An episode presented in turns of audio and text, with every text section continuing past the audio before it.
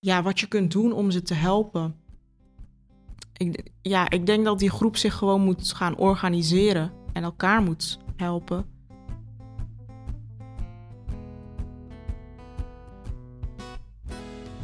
Wat moet, dat moet. En daarom is het goed. Dat zei mijn oma altijd. En het is ook een beetje mijn lijfspreuk geworden, ook in mijn politieke bestaan. Nu heb ik voor mezelf al wel redelijk op een rijtje wat er allemaal moet gebeuren in Nederland en waarom dat dan goed is. Maar ik ben ook heel benieuwd naar de goede ideeën van anderen. In deze podcast ontvang ik mensen die mij inspireren en praat ik met hen over de goede ideeën die zij hebben voor de samenleving. normaal is dat op mijn werkkamer, een hele mooie werkkamer heb ik in Den Haag in de Tweede Kamer. Maar ja, die wordt op dit moment verbouwd, dus dat kan niet. En daarom zitten we vandaag in uh, Amsterdam in de Bali. En daarom is het goed, richt ik me dus op de goede ideeën. En in deze aflevering hoor ik van Lale Gül meer over haar strijd om te leven. Lale, van harte welkom. Dankjewel. Fijn dat je er bent. Zeker, dankjewel dat ik hier mag zijn. Ja, heel uh, leuk. Je boek heet Ik ga leven. Uh, ben je aan het leven? Um, op dit moment? Ja, ik vermaak me best goed.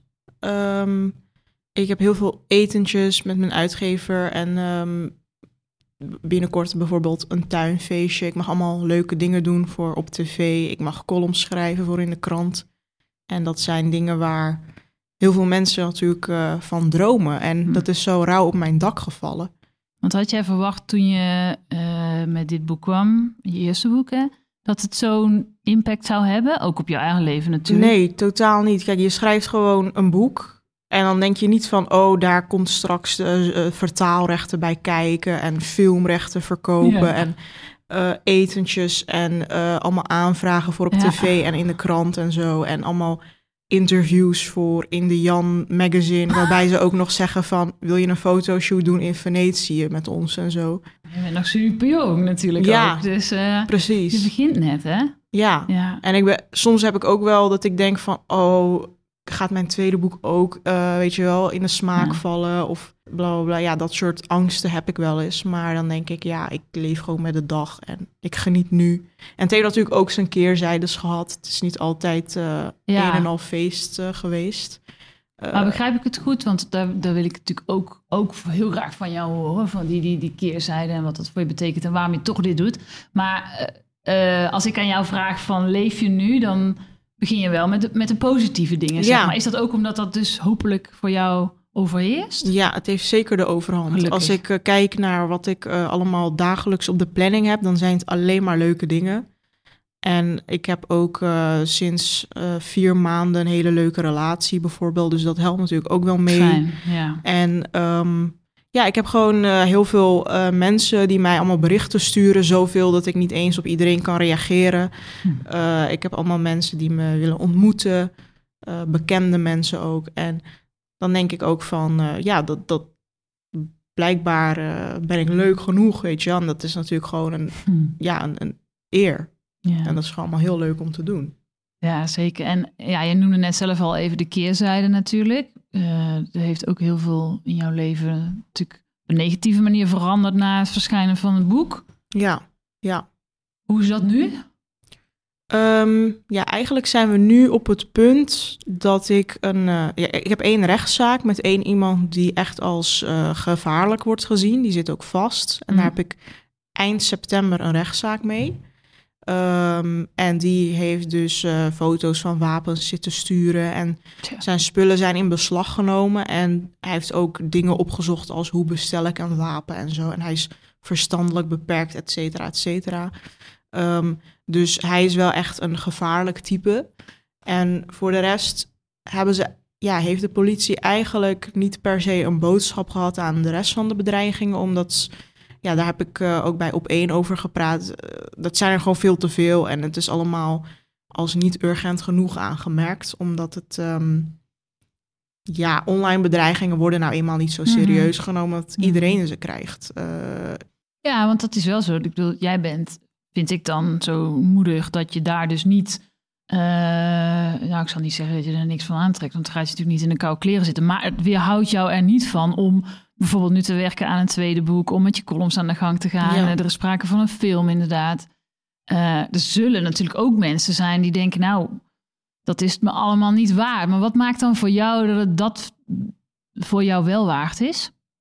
Ehm, eigenlijk de post die ik krijg. Dus uh, van allemaal mensen die in hetzelfde schuitje zitten bijvoorbeeld. Of hebben gezeten. Of allemaal vrouwen die uh, hm. juist een andere weg hebben gekozen. Die destijds uh, voor dezelfde keuze stonden. En die dachten van nou, ik ga maar toch maar gewoon trouwen met iemand waarvan mijn ouders zeggen van dat is een goede vent. En nu ongelukkig zijn bijvoorbeeld. En dat soort uh, verhalen eigenlijk. Of homoseksuelen die nog in de kast zitten en zo.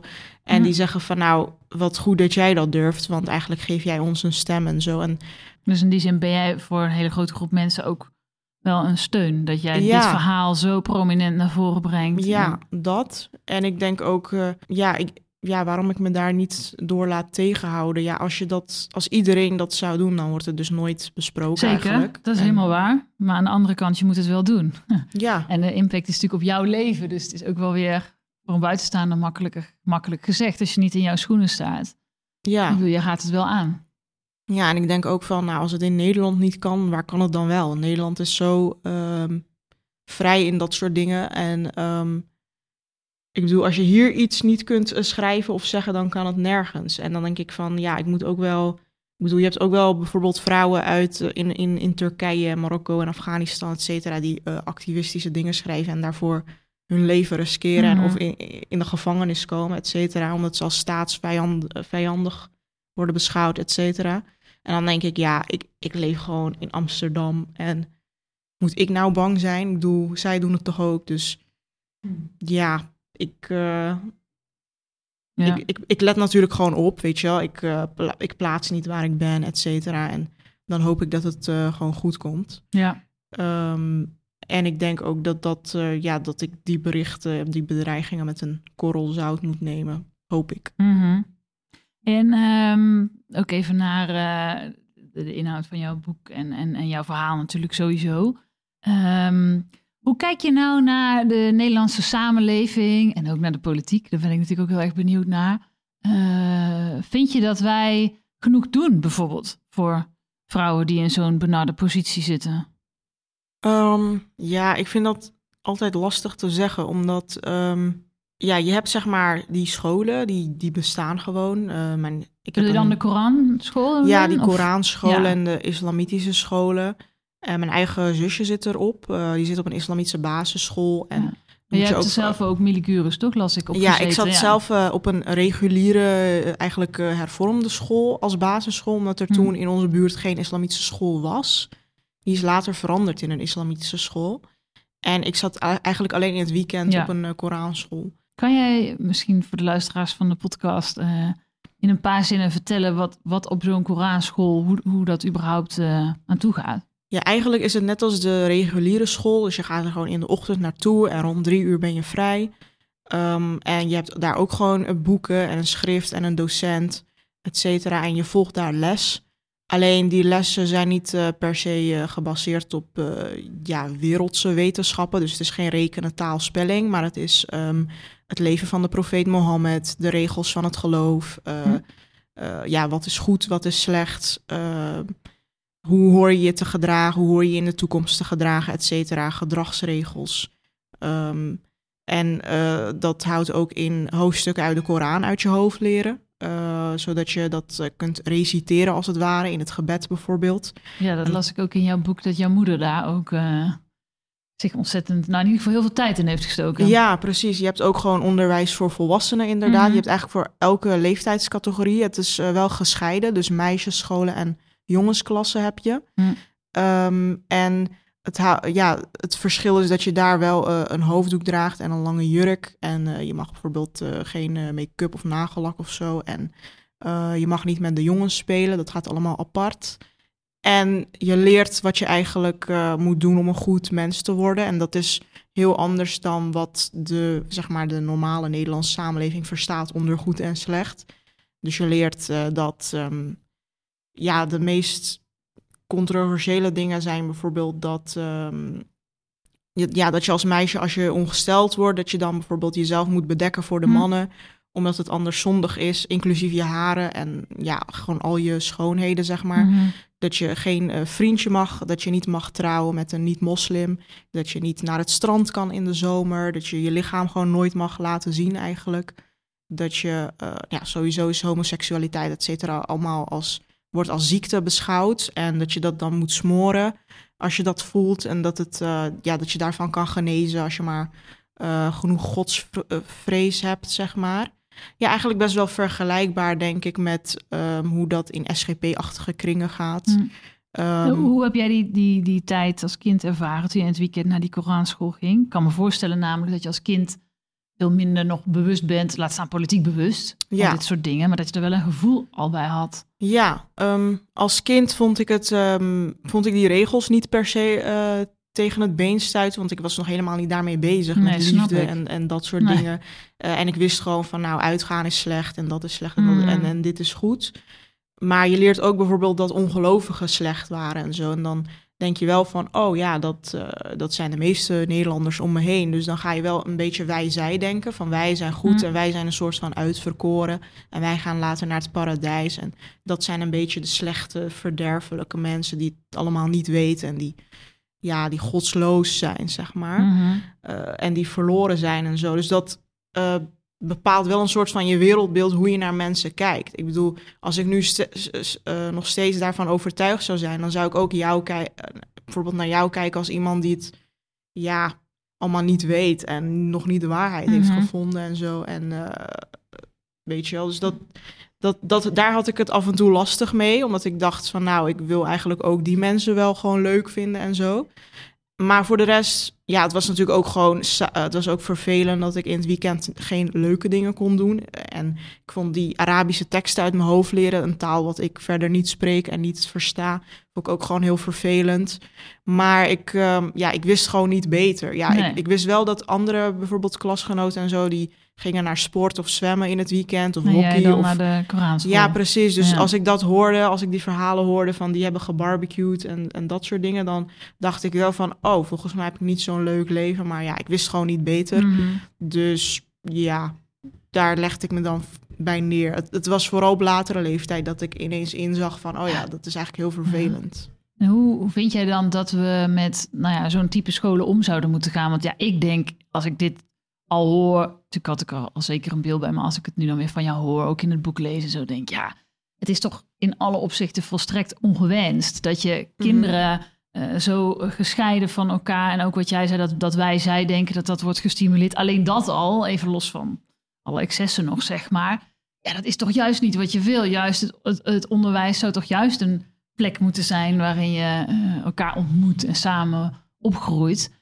Maar er is natuurlijk ook al heel lang discussie over in Nederland. Van ja, wat, hoe, gaan we met eh, überhaupt eh zulke soort scholen om? Hoe kijk jij daarnaar? Ja, waar, waar ik dus op een gegeven moment achter kwam, was dat die scholen eh, gesubsidieerd worden door de belastingbetaler. Want mijn ouders hoefden niks te betalen. Hm. Ehm, ik kon daar gewoon onderwijs krijgen en die docenten hadden gewoon een salaris en zo. En die moskee, dat wordt gewoon verhuurd en zo. Maar ja, dat, wordt, dat is gewoon allemaal uit een soort eh, cultureel potje wordt dat eh, bekostigd.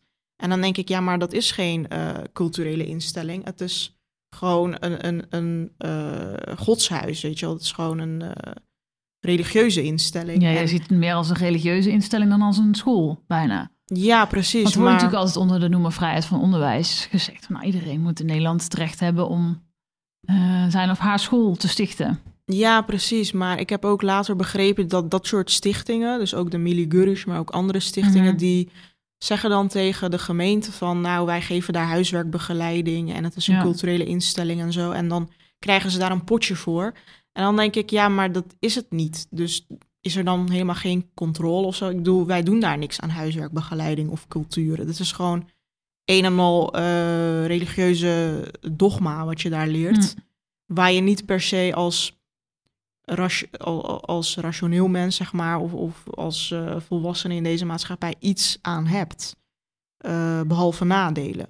Dus ik, ik heb daar moeite mee dat dat dan uit een eh, belastingpotje wordt gefinancierd. Dan zeg ik, de eerste stap zou zijn om dat weg te halen, Hm. zeg maar. Dus als mensen dat en hun kinderen daarop willen zetten, ja, dan moeten ze dat zelf maar betalen. En dan zul je zien dat dat al veel minder Hm. zullen zijn.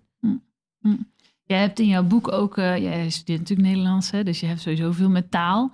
Eh, ook eh, in jouw boek vind ik jouw, ja, gewoon hoe je schrijft heel mooi. Maar, jij, maar het belang van taal überhaupt natuurlijk in de samenleving. In, je, in jouw boek heb je het ook over de, bijvoorbeeld bij jullie thuis geloof ik heel veel Turkse tv en zo Ja. ook aanstond. Dat bijvoorbeeld lezen van de krant en zo, nou werd niet echt gestimuleerd om maar zo te zeggen. Nee, soms verbaas ik me erover hoe ik zelf die inhaalslag heb gemaakt. Want het is, Ja, je woont dus in eh, Bos en. Lommer. En vooral in mijn jeugd, dat was echt een en al eh, hè, islamitisch of allochtoons. Of hoe dus er wonen echt gewoon geen witte Nederlanders eigenlijk daar. Die ken ik alleen van de docenten en de artsen in feite. Al Mhm. onze buren, onze straat, onze buurt, het zijn gewoon alleen maar... Ook, dat zie je ook in het straatbeeld, weet je wel, schotels en zo. Dat was ook echt de, de slechtste wijk van Nederland, was het eh, benoemd. Slechtste vogelaarwijk. Maar dat was gewoon een en al, ehm, ja, gewoon ehm, uit agrarische gebieden, uit Marokko en Turkije. Dus je hoort alleen maar eigenlijk in die buurt eh, buitenlandse talen. Niemand spreekt echt Nederlands, vooral mijn ouders niet. En thuis in de woonkamer is altijd de Turkse tv aan en je familie praat altijd Turks. En in het weekendschool was het ook altijd eh, Ja. Turks. Dus de enige plek waar ik in aanraking kom met het Nederlands is eigenlijk de basisschool. En daarmee houdt het dan ook op. Terwijl een, een normaal, zeg maar, niet eh, een autochtoon kind, die komt veel meer in aanraking met de Nederlandse taal. Dus die ontwikkelt zich da- daardoor ook sneller eh, daarin. En als allochtoon heb je dan ook snel een accent, et cetera, omdat je gewoon dat als kind en als puber de hele tijd om je heen hoort. Dus ik heb ze- mezelf eigenlijk op een gegeven moment moeten aanleren om bijvoorbeeld mijn accent weg te werken en andere woorden die, die je niet zo snel dagelijks leven gebruikt, weet je wel, woorden die intellectuelen gebruiken, et cetera. Om mezelf dat aan te leren Hmm. door inderdaad, eh, ja, mijn ouders die hadden geen kranten, dus ik moest, ehm, ik weet nog dat ik de NPO-app installeerde op mijn telefoon en toen had je nog geen eh, betaal, betaalmuren Nee. en zo. Dus ik kon gewoon alles terugkijken en dat deed ik gewoon puur om mijn taal ook bij te slijpen. En eh, ik ging gewoon woorden die ik niet wist, et cetera, van, van Pauw en Witteman, et cetera. Ja. Dat ging ik gewoon allemaal opschrijven, opzoeken, mezelf aanleren van oké, nu wil ik dat ook gebruiken, et cetera. Maar dat is dus allemaal omdat ik een soort eh, ja, hele krachtige drijfveer had. Zo van, ik wil ook zo kunnen praten Mhm. op een dag, et cetera. Mhm. Maar dat heeft natuurlijk lang niet iedereen. Nee, en eigenlijk, ehm, als ik jou goed beluister, beschrijf je ook dat. Dus op de school is het eigenlijk de, de mensen die je ontmoet is heel eenzijdig. En, en Ja. ook de taal en zo die je hoort. Maar in je woonomgeving eh, ook eigenlijk. Dus dan eigenlijk in je hele, eh, je hele omgeving überhaupt. Hoe, wat, wat, eh, want dat is ook zo'n punt wat natuurlijk politiek, waar het al zo ontzettend lang eh, over gaat. Van ja, hoe kun je nu organiseren dat ja, dat dat veel gemengder is, toch? Dat begint denk ik al bij, bij het bouwen. Hoe bouw je een wijk en wat mensen met wat voor soort inkomens kunnen daar terecht? Maar hoe, hoe kijk jij daarnaar? Wat is het belang daarvan dat je ook ehm, ja, samen opgroeit, om het maar zo te zeggen? Ja, ehm, ik zou zeggen sociale huurwoningen en vrije sector woningen door elkaar heen. Want wat je nu ziet is dat Ja. volgens mij hele wijken dan sociale huur zijn. Daar zaten wij dan ook in. Ja, Maar wat je nu bijvoorbeeld ook hebt, is dat sociale huur, dat eh, bijvoorbeeld statushouders hebben daar voorrang op. En wat ik bijvoorbeeld op een gegeven moment in mijn buurt zag, was dat er alleen eh, eh, allemaal Syriërs en zo, de- en Irakezen, et cetera, daar kwamen. En dat is eh, natuurlijk eh, heel fijn voor die mensen, maar dan zie je wel dat een bepaalde cultuur, dus in dit geval de islamitische cultuur, daar wel heel erg gaat domineren, ook in het straatbeeld. En, eh, en ik denk dat dat inderdaad wel op een gegeven moment zorgt voor een parallele samenleving. Dus dat je in, Hm. in de Bijlmer heb je dan allemaal de zwarte gemeenschappen. En in West heb je dan allemaal de islamitische gemeenschappen. En in Noord. En dan heb je in het centrum ongeveer de, de witte grachtengordel Nederlanders. En dat, ja, dat is dan een beetje zo in blokjes verdeeld Ja. eigenlijk. En ehm, ja, dat is dan een parallele samenleving eigenlijk, zoals je dat noemt. En eh, ja, sommigen zeggen, ja, wat is daar het probleem van? Nou, dat je dan dus dingen hebt als taalachterstanden en ehm, ja, een bepaalde cultuur die dan domineert. Nou, het wordt ook al gauw, zeker in uh, sommige linkse kringen, laat ik dat maar zeggen, uh, in het uh, antiracisme-debat en zo getrokken. Hè? Als je daar stevige opvattingen over hebt, bijvoorbeeld over de huisvesting van mensen met een Syrische achtergrond. Ja, er zijn namelijk ook hele wijken waar geen Syriër of Irakees te bekennen is, bijvoorbeeld. Ja. Hè? Zou het nou niet voor ons allemaal beter zijn om dat een beetje te spreiden? Ja. Hoe, hoe, hoe vind je dat? Want ik, dat vind ik soms nog best wel lastig. Dat dat ook het, het politieke debat, zeker op links, best wel kan verstikken op een bepaalde manier. Ja, dat is zeker lastig. Um, überhaupt is het heel gevoelig, want uh, er zijn maar zoveel uh, uh, urgent, ja, hoe noem je dat? sociale huurwoningen in Nederland en de woningmarkt is super krap Tuurlijk, en super potdicht, et cetera. Ja. Dus dat überhaupt die statushouders dan urgentie krijgen, ligt ook al gevoelig. En um, mensen zien dan ook inderdaad zo'n wijk totaal veranderen. Uh, het straatbeeld, et cetera. En dat er allemaal inderdaad mensen van uh, dezelfde cultuur daar komen... en allemaal met elkaar dan in de eigen taal spreken en zo. Waardoor je echt het gevoel hebt van... nou, ben ik nou in uh, Marokko hier of in, in Amsterdam, zeg maar. Dus dat... Ik, ja, ik snap dat sentiment wel... En um, ik denk ook dat het voor die mensen niet goed is, inderdaad, om, om alleen Ja. maar met dezelfde cultuur omringd te worden. Want dan ga je al minder je best doen om Mhm. te integreren, als het ware, zoals het heet. Want dat zie ik ook bij mijn eigen ouders, die hebben dat ook nooit gedaan. Omdat zij ook omringd werden door hun eigen mensen eigenlijk. Waar ze van platteland, weet je wel, van Turkije uh, vandaan kwamen. Hey, wat zou, ehm uh, als het gaat ook over de rechten van, van, van vrouwen bijvoorbeeld. Uh, nou, ik zei al, ik vind het heel moedig het boek wat je hebt geschreven, maar ik denk ook dat je voor heel veel meiden in een soortgelijke positie uh, heel veel betekent. Door het feit dat jij überhaupt je verhaal vertelt. Wat zou er wat jou betreft nodig zijn? We hadden net al even over het belang van gemengd onderwijs bijvoorbeeld. Hè? Maar wat zou er nodig zijn? Wat zou er kunnen doen om ja, vrouwen vergelijkbaar in, in jouw positie hebben gezeten of nog zitten, om die te helpen? Ja. Um, ik denk sowieso dat er, um, je hebt zeg maar bij mensen die de kerk verlaten en zo, daar heb je allemaal stichtingen voor en zo. Dat heet dan kerkverlaters of uh, Hmm. dat soort namen. Die komen dan hè, bij elkaar en die kunnen steun vinden bij elkaar. En dat heb je niet echt voor ex-moslims. Je hebt wel bijvoorbeeld ex-moslims of North America en zo. Dat zijn best wel hele grote bekende groepen. Maar dat heb je niet echt in Nederland. Maar waarom zou dat zo zijn?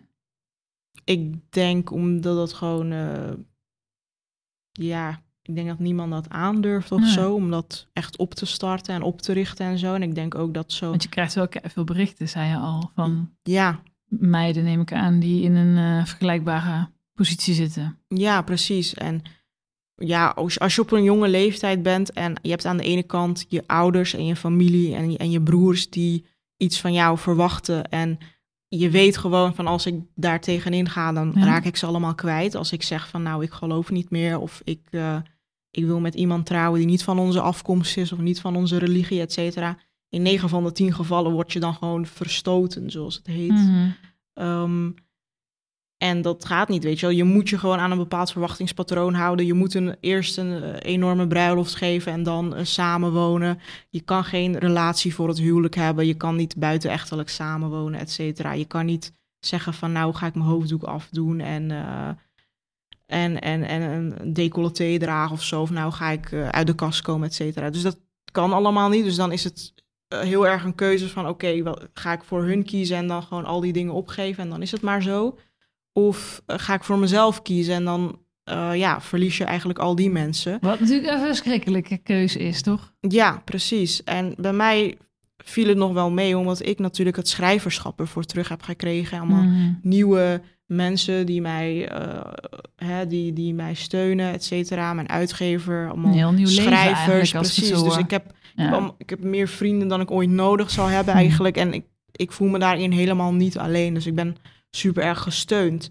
Alleen iemand die uh, hè, geen boek heeft geschreven en die, die gewoon voor die keuze staat op best wel een jonge leeftijd. Ja. Ik denk dat het voor diegene gewoon heel moeilijk is. Maar uiteindelijk moet die keuze wel gemaakt worden. Ja. En um, ja, wat je kunt doen om ze te helpen. ik, ja, ik denk dat die groep zich gewoon moet gaan organiseren en elkaar moet helpen. En wat je eigenlijk kan doen om ze te helpen, is dit bij de kiem aanpakken. En dat is gewoon die scholen en, en, en dat Ja. soort toestanden waar het allemaal Ja. gecultiveerd wordt, als het ware, dagelijks. Of het Ja. nou bij de volwassenen is of bij de kinderen of bij de jeugd. Dat tegengaan. En eh oliestaten en zo, die allemaal geld pompen natuurlijk in dat soort Mhm. onderwijs. En eh, ja, we hebben het natuurlijk heel vaak eh, gehad, ook in de politiek, over het salafisme. En dat, Hm. ja, dat, dat mensen daar vatbaar voor zijn en zo. En ja, dat is gewoon zo. En ehm, dat moet je gewoon op de een of andere manier monitoren, eh, in de Mhm. gaten houden. Hm. Ja, Hm. en, en niet willen cultiveren. Nou is onderdeel van deze podcast ook eh, dat ik altijd een fragmentje laat horen van een eh, SP-collega. Eh, en, en nu heb ik een fragmentje voor jou van Sunita Bihari. Dat is onze fractievoorzitter in Apeldoorn. En het Mhm. gaat eigenlijk ook een beetje over dit onderwerp. Dus ik zou het graag aan je willen laten horen. En dan daarna van jou horen wat jij eh, daarvan vindt. Ja. Kom, Sunita. Hallo mevrouw Lalegoe. Als eerste wil ik zeggen dat ik ontzettend veel respect voor je heb. En dat mag ook wel eens gezegd worden, naast alle haatreacties die je krijgt. Ik ben Sunita Bihari en ik ben fractievoorzitter voor de SP in Apeldoorn. Ik vind je ontzettend dapper dat je je uitspreekt en durft te gaan staan voor zelfbeschikking. Veel vrouwen zitten nog vast achter de voordeur. Ze zijn onzichtbaar en hun leed is daar ook mee onzichtbaar. Mijn moeder was uitgehuwelijkt. In een gewelddadig huwelijk. Met alle leed wat daarbij kwam kijken. Toen zij terecht wilde gaan scheiden, keerde de hele familie tegen zich. Zelfs haar eigen familie. En dat ging niet met een zachte hand. Ik denk dat we in de politiek nog heel veel te leren hebben. Zo zitten we vaak met de verkeerde mensen om tafel. Ja, wij zitten juist met de machthebbers om tafel, die het systeem in stand houden, in plaats van met de vrouwen die losgebroken zijn. Maar we hebben ook sommige zaken gewoon nog niet goed geregeld. Neem bijvoorbeeld huwelijksuitbuiting. Dat wordt er vaak gezien als huwelijksproblemen, terwijl dat echt wel wat anders is. Wij hebben een voorstel gedaan om huwelijksuitbuiting beter aan te pakken. We moeten leren dat we niet meer macht aan machthebbers die het systeem in stand houden moeten geven, maar dat we altijd naast de vrouw moeten gaan staan die wil gaan leven en losbreekt. Hoe kijk jij hiernaar? Dat is heel mooi gezegd. En ik weet ook dat, eh, hoe heet ze, Shirin Moussa, die maakt zich Mhm. heel hard eh hiertegen. Ja, Zij van maakt zich Fan ook- for Freedom is zij, hè? Ja, en eh, bijvoorbeeld iets als vrouwenbesnijdenissen, dat gebeurt nog gewoon aan de lopende band. En huiselijk geweld inderdaad, en hu- uithuwelijking. En ja, dat wordt dan allemaal natuurlijk achter de voordeur gedaan, waar wij niet echt zicht op hebben, maar het bestaat allemaal in de samenleving. En ja, vandaar dat ik ook zeg van die mensen moeten zich gewoon echt organiseren. En daar heb ik ook heel veel respect voor Shirin Moussa, dat zij dat gewoon doet. En ehm, ja, daar, daar moet over gepraat worden, zoveel mogelijk. Er moet een soort meldpunt zijn waar die vrouwen terecht kunnen. Hmm. Ook als ze denken van, nou, ik heb niemand en ik weet niet eh, wie op mijn problemen zit te wachten. Dus laat ik het maar gewoon, hè, la- laat ik maar op mijn rug liggen en het allemaal over me heen laten komen. Ja, ik denk dat dat ehm, inderdaad een probleem is. Ja. En hoe kijk jij naar eh, eh, de politiek van vandaag de dag? Ik las ergens een interview eh, met jou dat je het ook over Pim Fortuyn had bijvoorbeeld. Ja. Ehm, nou, die is al een tijdje niet meer onder ons. Hoe, hoe kijk je nu naar de politiek? En dan bedoel ik natuurlijk, je mag alles zeggen hoor, maar specifiek als het hier over gaat. Vind je überhaupt dat het er genoeg over gaat? Mm, nee, ik, ik heb nooit bijvoorbeeld een debat gezien over het, het subsidiëren van eh, religieus onderwijs. Volgens mij zijn daar heel veel columns over verschenen en zo. Dus het, is altijd wel, het wordt altijd wel even genoemd, weet je wel. Ook toen met eh, het Haga Lyceum en zo. Ja. daar weer de leiders van helemaal niet deugden en zo. En de grote vraag van wat doen we daarmee? Het is vaak, we- dan komt het even op, hè? Dus Ja, dan, en dan dus- gaat het er wel over, maar uiteindelijk verandert er niks. Ook omdat je eh, weer met dat vrijheid van onderwijs gaat het aantal partijen dan schermen. En dan, ja, dan stokt de discussie weer en dan blijft er ook weer veel bij Ja. was. Precies, het is meestal gewoon een hype of zo. En Mm.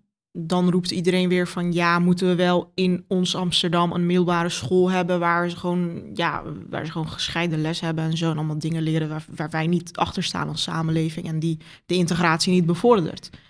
En dan is het zo van, ja, eigenlijk willen we dat allemaal niet, maar we moeten het maar weer eh, gedogen, want uh, anders gaan de christelijke scholen ook zeuren of zo. Daar komt het een beetje op neer. Hetzelfde met bijvoorbeeld besnijden van baby's. Ja, die, mensen, die baby's hebben daar niks over te zeggen. Hun vooruit wordt er afgeknipt aan de lopende band. En dan denk ik ook van, ja, het is eigenlijk gewoon een mutilatie van kinderen. Ja.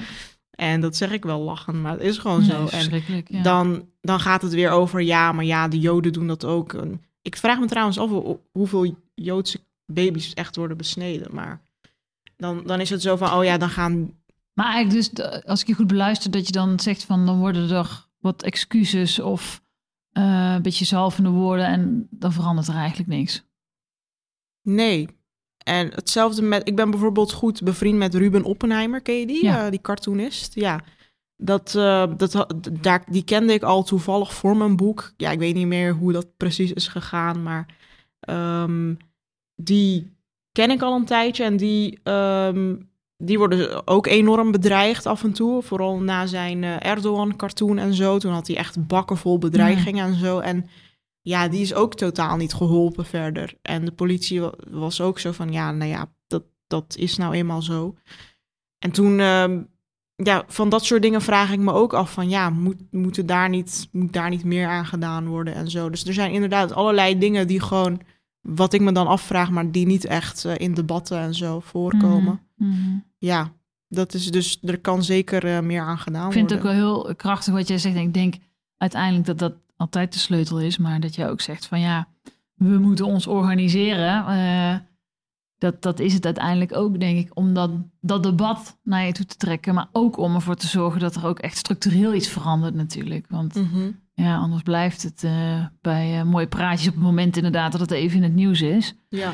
En daarom wil ik nogmaals wel ook echt tegen jou zeggen hoor, dat het uh, heel waardevol is, denk ik, met alle offers die je ervoor moet leveren. Want dat, dat weten we inmiddels ook.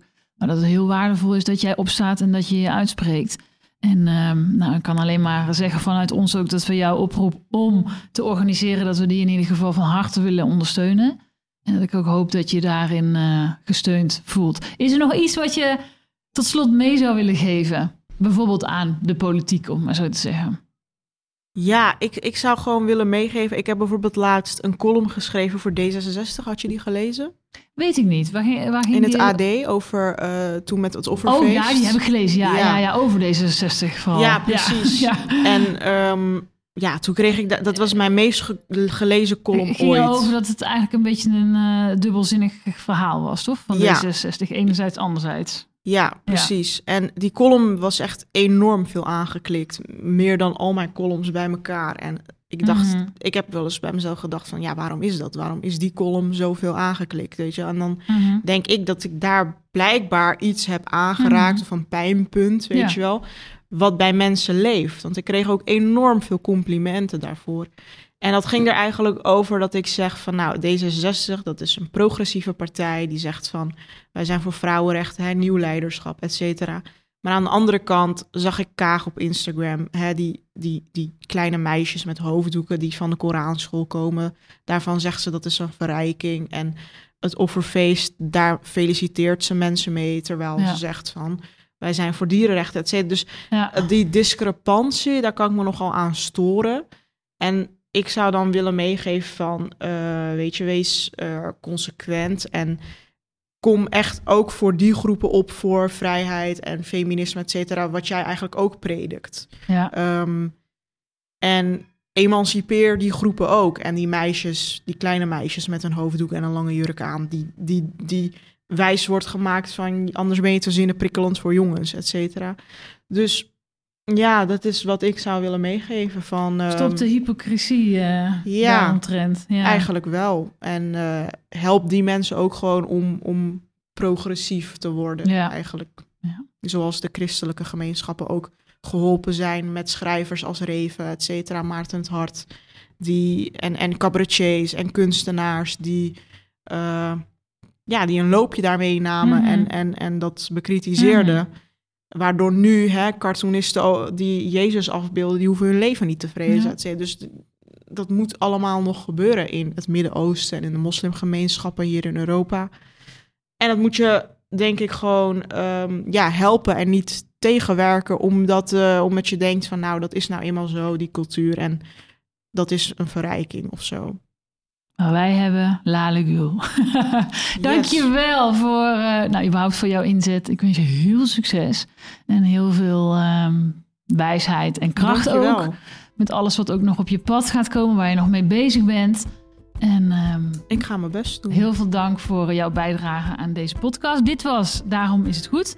De podcast waarin ik van mensen die mij inspireren hoor welke goede ideeën zij hebben voor de toekomst. Wil je nou niks missen? Nou abonneer je dan via Apple Podcast of Spotify.